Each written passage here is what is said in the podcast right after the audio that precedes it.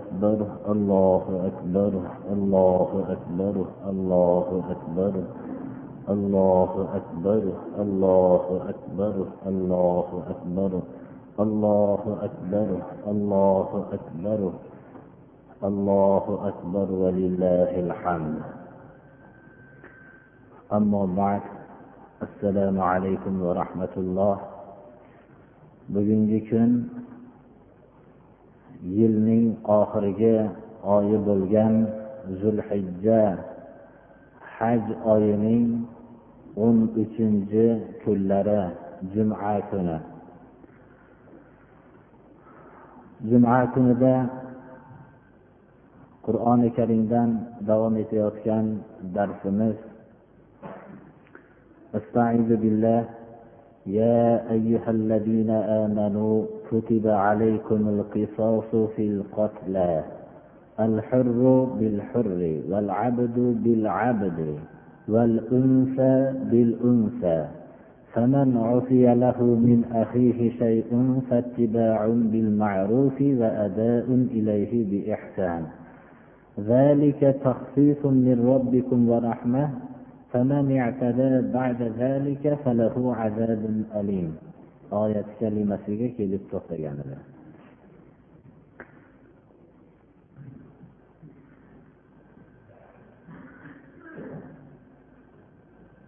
bu oyat kalimaning va bundan keyingi oyatlarning mazmuni qisqacha mazmuni alloh subhanahu va taolo madinai munavvarada vujudga kelgan islom ummatining ularning ijtimoiy nizomlarining bir qismini o'z ichiga oladi. Xuddi keyingi oyatlarda bo'lsa ibodiy ibodatga mansub bo'lgan taklifotlarning bularni ham nizomini o'z ichiga olgandek. Qur'oni karim mana bu oyatda mo'minlar alloh subhanahu va taologa e'tiborli bo'lib ular bog'lanib turgan sifat bilan olloh ularni chaqirib ularga nido qiladiki ey iymon keltirgan kishilar alloh subhanahu va taologa mo'minlar iymon sifati bilan mo'tabar bo'lishganlar bo'lmasam bu zaif insonlar o'zlarining moli davlatlari bilan yo hovli joylari bilan yoyinki ular qaddi qomatlari bilan mo'tabar bo'lishganlar emas yo farzandlarining ko'pligi bilan yo bog'roqlarining bo'lishligi bilan mo'tabar bo'lgan emas alloh subhanahu va taolodan shunday foniy insonlar chaqirilishlikka sazovor bo'lgan sifatlari iymon sifatlaridir. Shuning uchun bu iymon sifatini mo'minlar qadrlab hech qanday bir narsaga almashtirib qo'ymasliklari kerak. Ey iymon keltirgan kishilar deyapti alloh taolo. Agar iymon sifati bo'lmasa kishilar ollohning huzurida hech qanday e'tiborni kasb qilmaydilar. استعيذ بالله قل ما يعبأ بكم ربي لولا دعاؤكم ayting ey muhammad alayhissalom odamlarga mo'minlarga aytingki sizlarni robbim e'tiborga olmaydi agar iymoninglar bo'lmasa deng. Ana bu ollohning e'tiboriga sazovor bo'lgan sifatni mo'minlar juda ham bilmoqliklari kerak. Bizlarni abadiy azaliy bo'lgan zot bizlarga xitob qilinyapti. Biz xitob qilinishlikka sazovor bo'lishligimiz mana shu iymon sifati bilan sazovor bo'ldik. Va olloh bizlarni mana shu sifat bilan chaqiryapti. Ey davlatmand insonlar demayapti. Ey avlodi ajdodi ko'p bo'lgan insonlar demayapti. Ey bog'roqli kishilar demayapti. Bizlarni iymon sifati bilan chaqiryapti. Ey iymon keltirgan kishilar deyapti. Ana bu sifatni nihoyatda g'animat bilishliklari kerak. Bu yo'lda iymon sifatini saqlab qolish yo'lida jonni ham ayamasdan qurbon qilinsa arziydi. Chunki bu sifat bilan alloh robbil alaminga mo'tabar bo'lib qoldik birodarlarini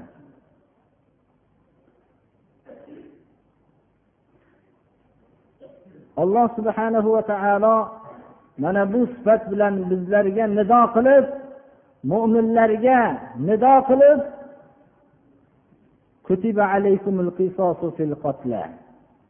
qatl qilingan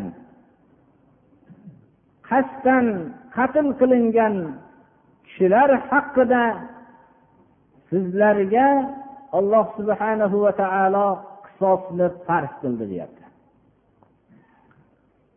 Ya'ni bir kishi ikkinchi bir kishini qasddan qatl qilgan bo'lsa alloh subhanahu va taolo qisosni farz qildi. Uni ham qatl qilinadi. Qisos alloh subhanahu va taolo tarafidan farz qilingan amaldir. Ana madinada vujudga kelgan islom millatining qasddan bo'lgan qatldagi nizomi mana bu edi. Va bu qiyomatgacha bo'lgan musulmonlarning nizomi edi. Bu nizomdan boshqa yo'llar hammasi bosh tortdida va uning zararini nihoyat darajada katta miqdorda ko'rishmoqdalar mana. Qatl qilingan shaxs agar hur inson bo'lsa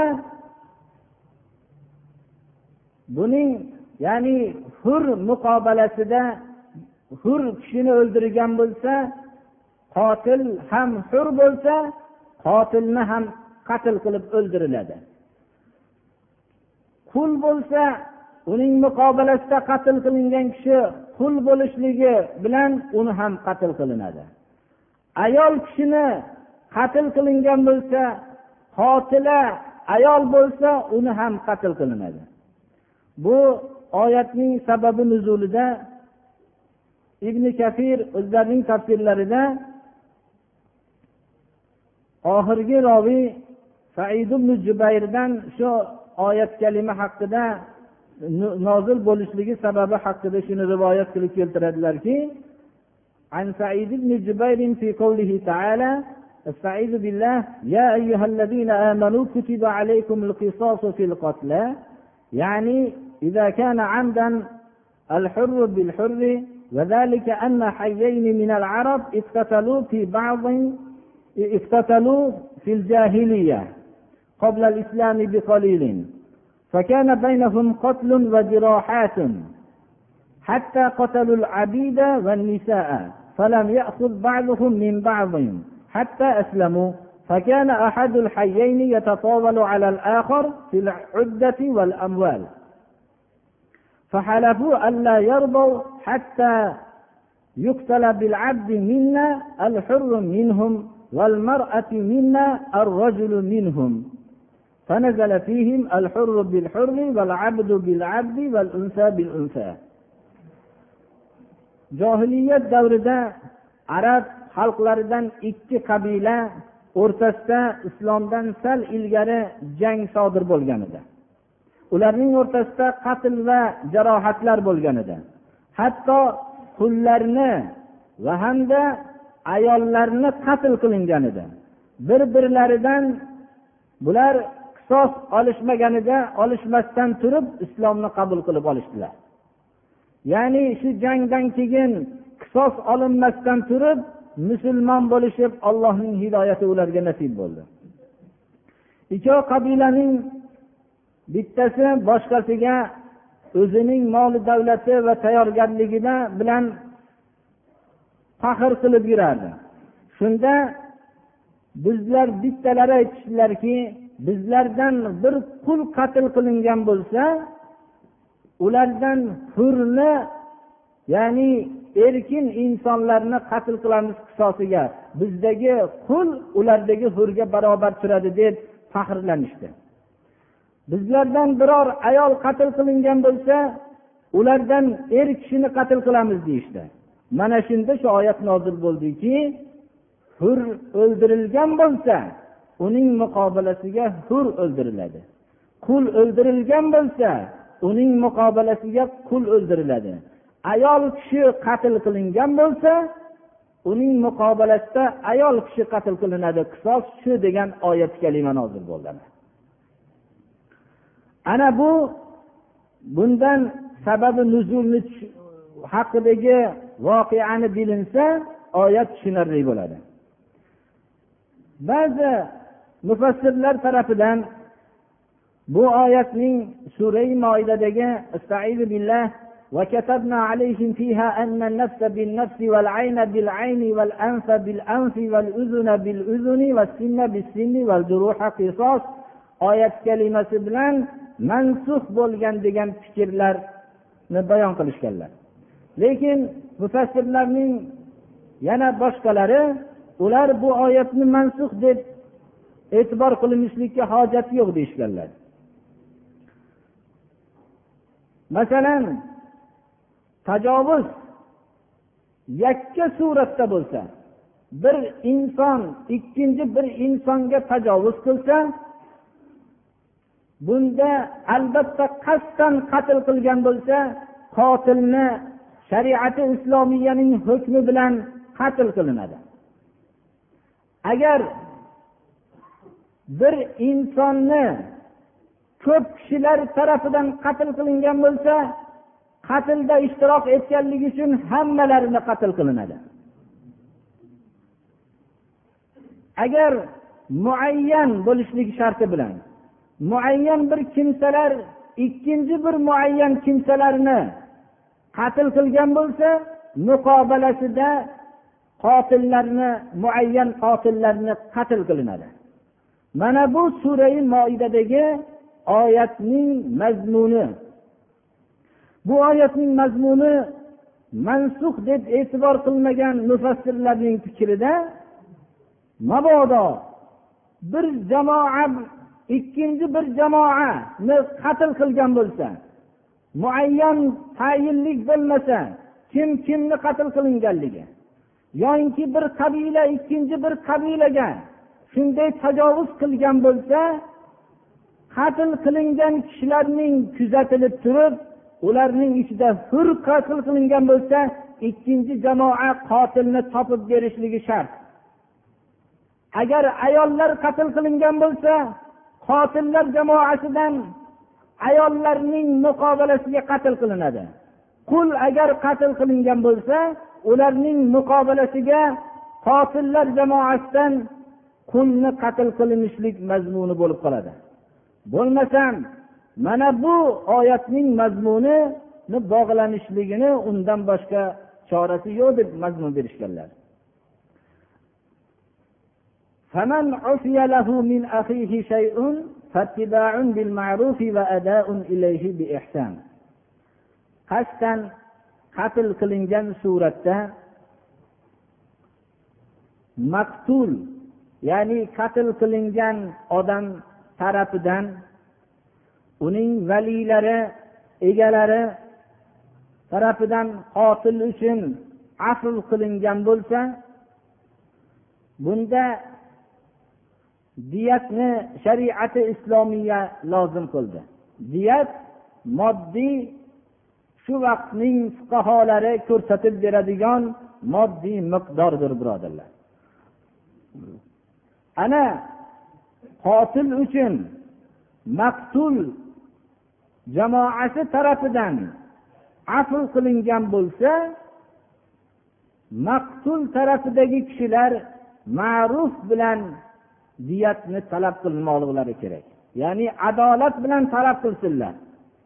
Unga zulm suratida talab qilishmasin. Qotil endi zulm qilibdimi mazlumlar tarafidan zulm sodir bo'lmasin. Adolat ma'ruf bilan talab qilishlik lozim. Va shu bilan birga maqtul tarafidagi kishilar shunday qotilni qatl qilinishligini afv qilib undan diyat talab qilishgan bo'lsa shunchalik ulug'vorlik ko'rsatishgan bo'lsa ular qotil tarafidagi kishilar qotil ya'ni xususan maqtul tarafiga mazlum tarafiga yaxshilik bilan moddiy miqdor bo'lgan diyatni to'lashligi lozimdir ana islom dini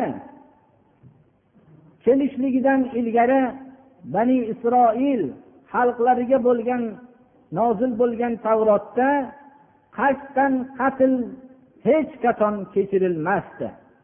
Ularga kechirishlik imkoniyati berilganmas edi. Alloh subhanahu va taolo qasddan qatl qilgan kishilarniga qisosni farz qilishlik bilan birga mabodo maqtul ixtiyor qilsaki maqtul tarafidagi kishilar afvni ixtiyor qilishsalar bunga ham ruxsat berdi alloh taolo. Bu narsa rabbiylar tarbiyatkunandanglar tarafidan sizlarga yengillik va shu bilan birga qonlarning to'kilinishligidan saqlab sizlarga rahmatdir bu rabbiylar tarafidan. Ana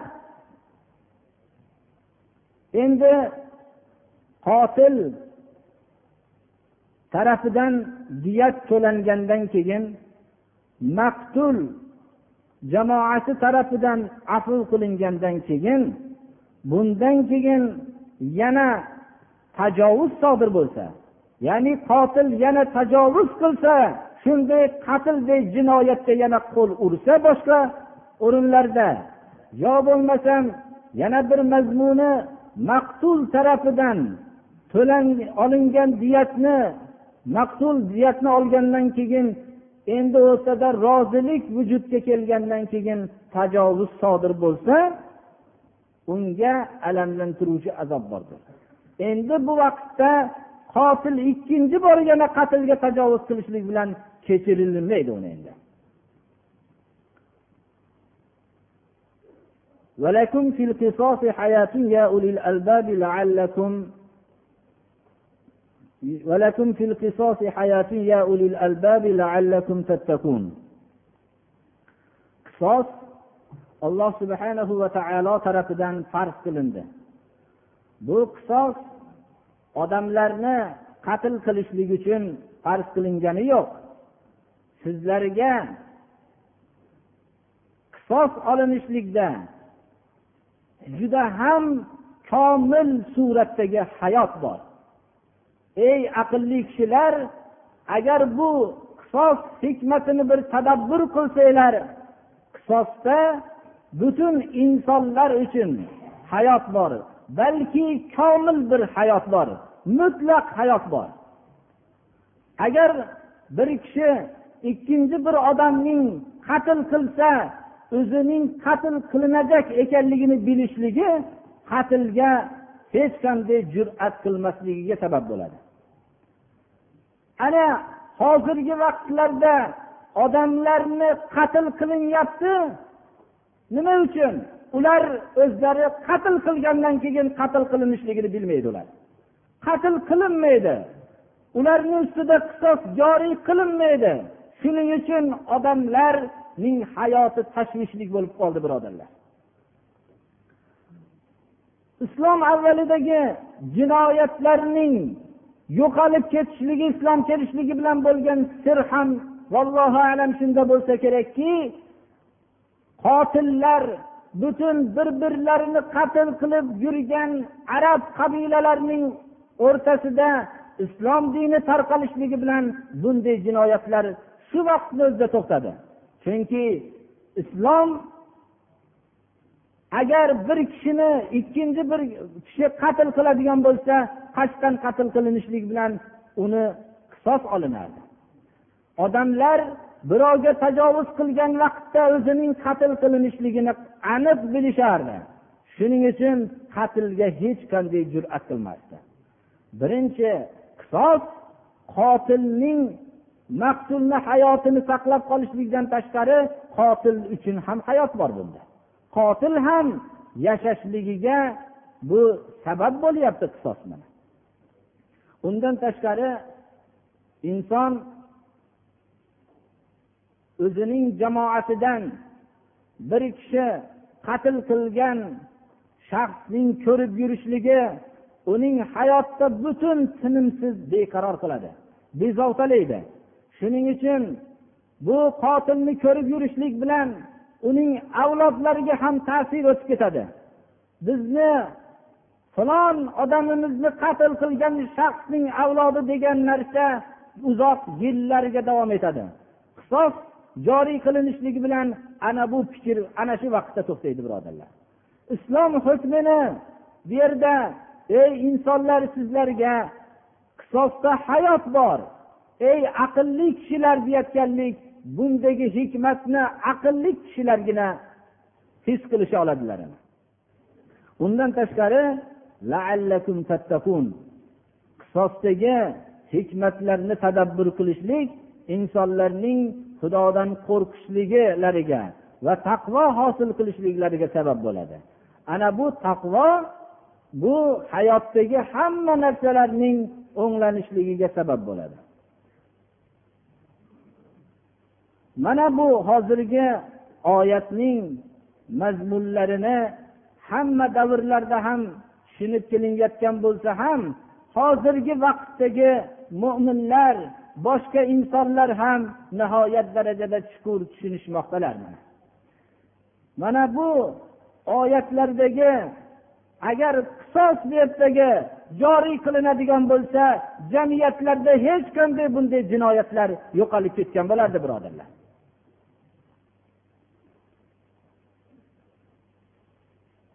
Diyatning islomda joriy qilinishligi bunga ruxsat berilinishligi insonlarning qonini to'kishlikdan islom saqlab qolishligi bilan birga bir moddiy manfaat yetkazib turgan jamiyatga oilalariga moddiy manfaat yetkazib turgan shaxs jamiyatdan yo'qoldi.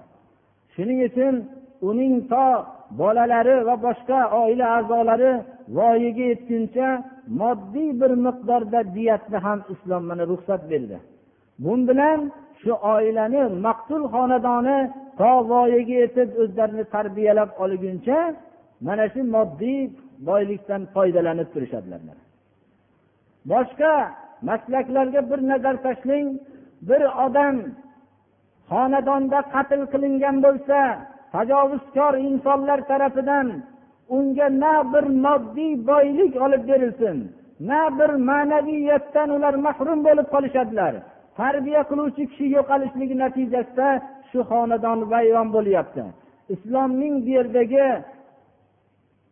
hukmi yana undan tashqari oila a'zolari hammasi bir umrga qotilga bir adovat tuyg'usida qolishadilar.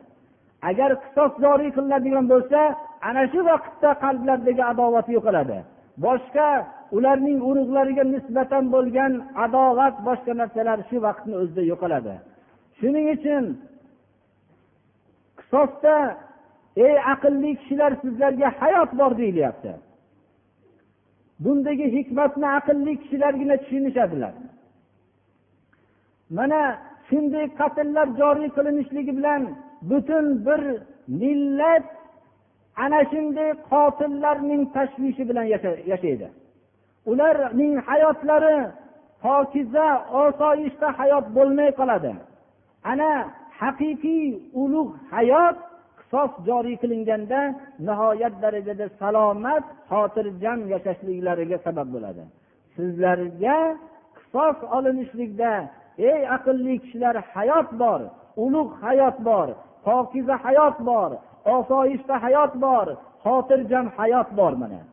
Mutlaq hayotning eng komil surati bor deyishlikda hikmat vallohu alam shu bo'lsa kerak. Va undan tashqari sizlarga taqvo hosil bo'ladi. Qisos hikmatlarini tushunishlik bilan o'zini jinoyatdan saqlab qolishlik hosil bo'ladi.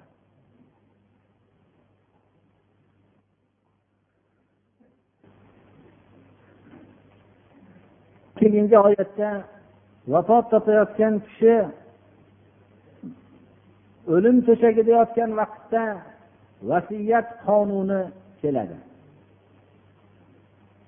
qisosdan keyingi vasiyat qonunini kelishligi bu o'lim to'shagida yotganlik bilan o'rtada munosabat bog'lanadi استعيذ بالله كتب عليكم إذا حضر أحدكم الموت إن ترك خيرا الوصية للوالدين والأقربين بالمعروف حقا على المتقين sizlarga sizlarning bittalaringlarga o'lim hozir bo'lgan vaqtda agar ko'proq miqdorda mol qo'yib ketayotgan bo'lsa vasiyat farz qilindi vasiyat kimga ota onalarga ma'lum bir miqdordagi boyligini vasiyat qilib qo'yib ketishlik farz qilindi va yaqinlariga ma'lum bir miqdordagi molni vasiyat qilib ketishlik farz qilindi. Bu albatta ma'ruf miqdorda. Adolat bilan o'rtacha vorislarga zarar bermaydigan suratda va yana bu yerda faqat davlatmanlarnigina rioya qilmasdan fuqarolarga zulm qilmasdan ma'ruf adolat bilan vasiyat qilib ketishlik farz qilindi. Haqqon alal muttaqin. Bu xudodan qo'rqqan kishilarga berilingan haq bu. Merosxo'rlar mazlum bo'lishmaydi merosxo'r bo'lmagan kishilar ham muhmal qo'yilmaydi mana. O'rtacha mo'tadillik bilan taqvoni maqsad qilinadi. Hadis shariflarda bu shu mazmun borki bu yerdagi o'lim to'shagida yotgan kishining ota onaga yaqinlarga vasiyat qilinishligi meros oyatlarining nozil bo'lishligidan ilgari meros oyatlari nozil bo'lgandan keyin har bir merosxo'rning o'zini ulushi bayon qilingan shuning uchun bu oyatni mufassirlar mansux deyishadilar. Ya'ni meros oyatlaridan ilgari nozil bo'lgan meros oyatlari tushgandan keyin merosxo'rlarning aniq bayon qilingandan keyin hammalari o'zlarini ulushlari tayin bo'lgan shuni olishaveradilar. Payg'ambarimiz sollallohu alayhi vasallamning hadis shariflari إن الله قد أعطى كل ذي حق حقه فلا وصية لوارث har bir haqdorga olloh subhanahu va taolo haqqini tayin qilib qo'ydi merosxo'rga vasiyat yo'q dedilar merosxo'r kishiga meros oladigan kishilar albatta ularga vasiyat lozim emas meros oyatlari bir kishini masalan merosxo'r qilgan bo'lsa unga vasiyat bo'lmaydi. Vasiyatan olmaydi u mol mulkni agar meros olmagan bo'lsa vasiyat unda bunga mumkin bo'laveradi shundan tashqari yana vasiyatni e, uchdan birgagina nufuz qiladi. Bir kishining moli uch ming so'm moli qolayotgan bo'lsa o'lim to'shagida yotgan vaqtda merosxo'rlar merosxo'rlarga aniq taqsim bilan taqsimlanadi. Lekin bu vasiyat qilishlik haqqi bor merosxo'r bo'lmagan yaqin qarindoshlarga shu shart bilanki uch ming so'mning uchdan biri bo'lgan ming so'mgagina vasiyat qilishlikka haqqi bor. Boshqalasiga vasiyat qilishlikka haqqi yo'q ana bu vasiyatni vafot topgan kishi vasiyatni qilib qo'ygandan keyin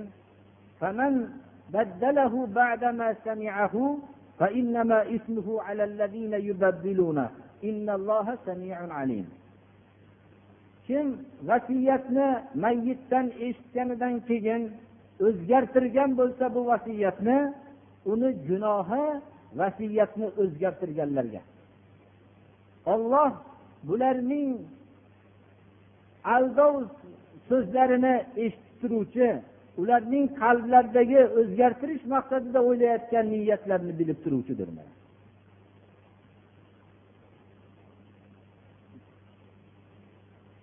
lekin bitta holatdagina vasiyat qiluvchi kishining vasiyatini qolgan kishilar o'zgartirishlikka haqqi bor.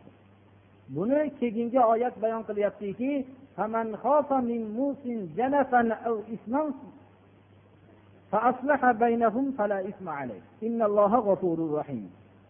vasiyat qiluvchi kishidan bu vasiyati bilan noto'g'ri narsani xato bilan zulmni maqsad qilayotganligini yoyinki qasd bilan bir zulmni maqsad qilayotganligidan tashvish qilsa unda vasiyatni qabul qiluvchi eshitib turuvchi kishi bu vasiyat qilingan kishilarning o'rtasini isloh maqsadida o'nglab to'g'rilab qo'ygan bo'lsa buni vasiyatni o'zgartirdi deb e'tibor qilinmaydi. Masalan vafot topib ketayotgan kishi moli mulkini o'zini yaqinlarini ichida birortasiga bilmasdan ko'proq miqdorda beryaptiki bu zulm edi boshqalarga zulm bo'lib qolayotgan edi.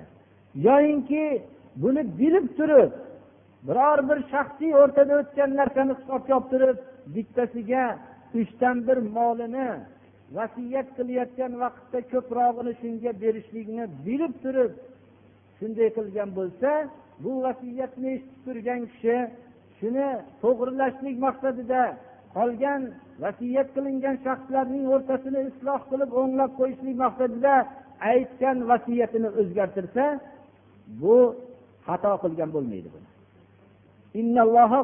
rohim ya'ni olloh kechiruvchi mehribon zotki bunday ishni isloh maqsadida qilgan ishini olloh albatta buni xato deb hisob qilmaydi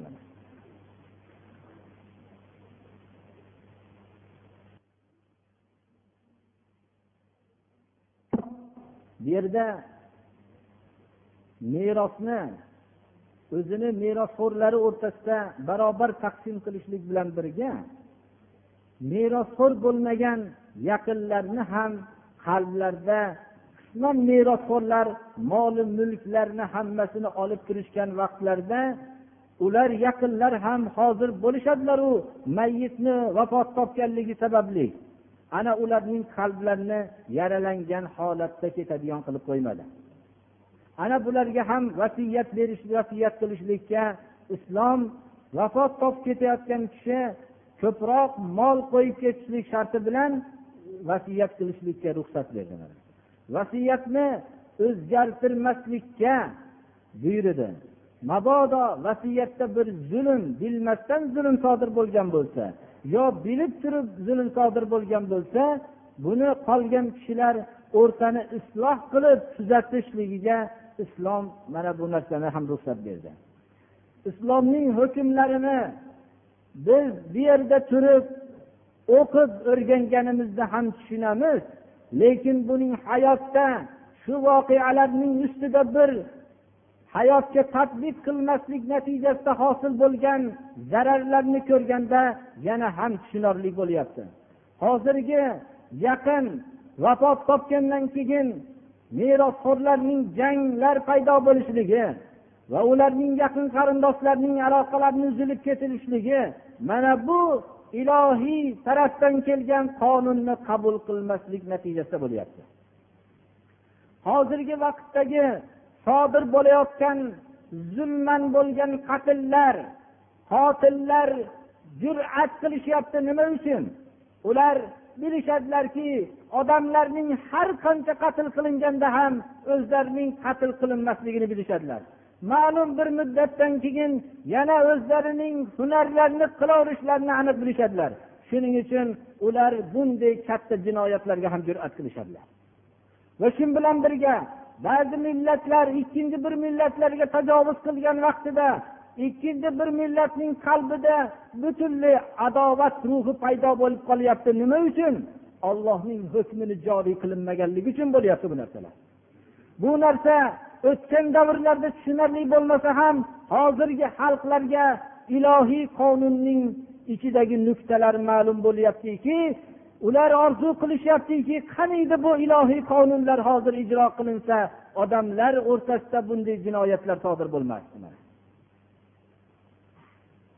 Hozir bir kishini ikkinchi bir kishi qatl qilgan bo'lsa hech qanday uning maqtul xonadoniga hech qanday moddiy ma'naviy manfaatlardan mahrum bo'lib qolaveradi. Uning xonadoniga hech qanday bir moddiy yordam bo'lmaydi. Ana undan tashqari qotillarni hech qanday tiyilmasdan qolyapti bu narsa. Mana hozirgi oyat kalimada aytilingan sizlarga qisos farz qilindi. Hur hur muqobalasiga qatl qilinadi? Agar o'ldirilgan shaxs hur bo'lsa hurni o'ldiriladi. Ya'ni bundan murod ozod insonni kinoya qilinyapti. Mabodo qulni o'ldirilgan bo'lsa uning muqobalasida qulni ham o'ldiriladi degan oyat bir jamoa muayyan bo'lmagan jamoa ikkinchi jamoaga tajovuz qilganda qatl qilingan shaxslarning hammasini tekshirib ko'rilib shuning muqobalasida ikkinchi qotillar jamoasidan xuddi ana shunday sifatdagi kishilarni qatl qilinadi agar uni kim o'ldirganligini ma'lum bo'lmay qolsa. Mana bu bilan insonlar o'rtasidagi jinoyatlar hammasi tinchiydi islom mana bu qur'oni karimdagi ikkita uchta oyatning ichida butun hayotdagi hozirgi olimlar ham qonunshunoslar ham hal qilolmayotgan masalalarni ikkita uchta oyatdagina hal qilib qo'yilgan birodarlar. Afsus bizning xalqlarimiz musulmonlar bu ilohiy qonunning ulug'liklarini bilishmay qoldilar. Qur'oni karimdagi hayotdagi ijtimoiy masalalarni hal qilgan bu oyatlarni bilishmadilar. O'zingiz o'ylab ko'ringki mana bu oyatlarni biz nimalar ustida qayerlarda bu oyatlardan foydalanyapmiz bu oyatlar ijtimoiy hayotdagi har bir zarracha bo'lgan mayda kichkina narsalarni ham o'z ichiga oluvchi jomia bir oyatlardir birodarlar mana. Bu narsalarni hozirgi qonunshunoslar ham ichidagi hikmatlarni bilishib bormoqdalaru ularda bir jur'at paydo bo'lmayapti. Mana bu qur'onning hukmlari haq deb e'lon qilinadigan jur'at paydo bo'lmayapti birodarlar.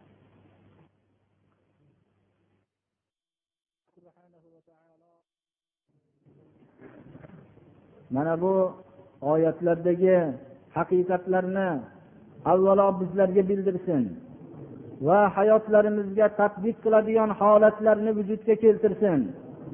Dinni bilmayotgan bu qur'oni karimdagi qonunlarning ulug'ligini bilmayotgan kishilarga bildirsin.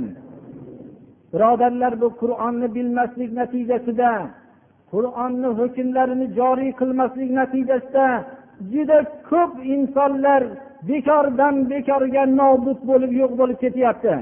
Bu qur'ondan yuz o'girishlikni jazosi birodarlar hammasi. Alloh subhana va taolo hammalariga haqiqatni bildirsin. Islom yo'liga hidoyat qilsin. Islomning qonunlarini hammasini ulug'ligini bilishsin. Bilishlik bilan birga hayotga tadbiq qilishlikni alloh nasib qilsin. Allohu akbar. Alloh taolo parvardigori to'g'ri yo'lga boshlasin. Allohu akbar. Bu yerda har bir juma namozlarida umumiy masalalarda ayollar va er kishilarga om bo'lgan masalalarni umumiy aytib ketyapmiz. Va ayollarga xos bo'lgan ba'zi masalalarni gapirmasdan ketyapmiz. Bundan bu opa singillar tushunib qolishmasinlarki bizlarni bir alohida ba'zi masalalar bizga bayon qilinmayapti degan tushuncha bo'lmasin. Qur'onni bilishlik hammamizga lozim bo'lgan amallardan birodarlar. Buni bilishlikdan har bir kishi chetda turmasligi kerak. Xususan ayollar qur'oni karimning ichidagi nuqtalarni o'rganmoqliklari kerak. Ular bu yerdagi qur'onni hukmlarini o'rganishlari kerak. Ular o'zlarining farzandlarini tarbiya qilishlik vazifasini esdan chiqarmasliklari kerak. Ular qur'on hukmlarini bilishlik bilan farzandlarini to'g'ri yo'lga tarbiyalashliklari mumkin bo'ladi. Qaysi bir millat rivojlangan bo'lsa bilingki ana shu millatning ayollari komila ayollar bo'lgan. Ular nihoyat darajada o'zlarining vazifalarini his qilishganlar. Shuning natijasida farzandlarini voyaga yetkazishlik vazifasini esdan chiqarishmasdan komil insonlarni tarbiya qilishganlar.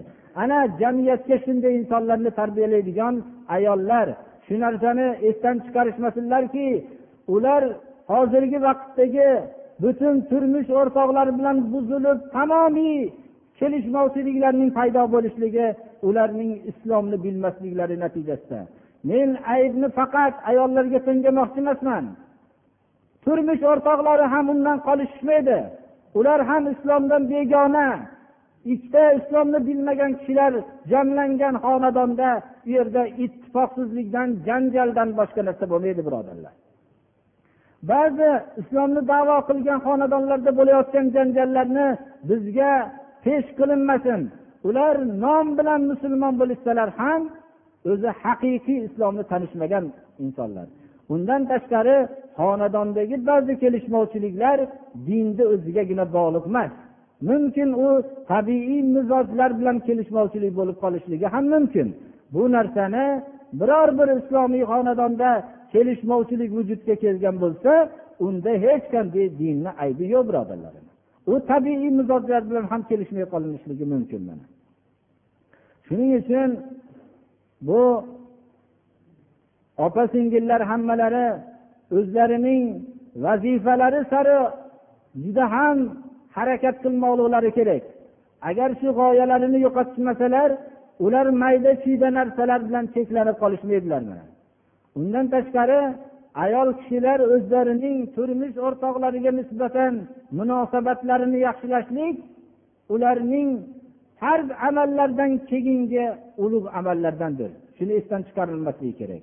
Er kishilarning ularga nisbatan munosabatlarini yaxshilashlik ularga nafaqa boshqa narsalarda kengroq munosabatda bo'lishlik ularning ulug'liklarini belgisi hadis sharif asosida. Alloh subhanahu va taolo hammamizni oilalarimizni ittifoq qilsin.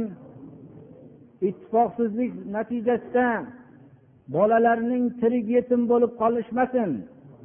Oilani buzayotgan kishilar xoh erkaklar ho ayollar shuni tasavvur qilishsinlarki o'zlarining avlodlarini xususan hozirgi bizning sharoitlarimizda dinsiz bo'lib qolishliklariga sabab bo'lishadilar.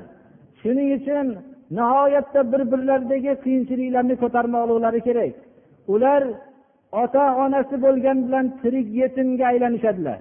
Balki ota onalari o'tib ketgan bo'lsa xotirjamroq yetim bo'lishgan bo'lardilar.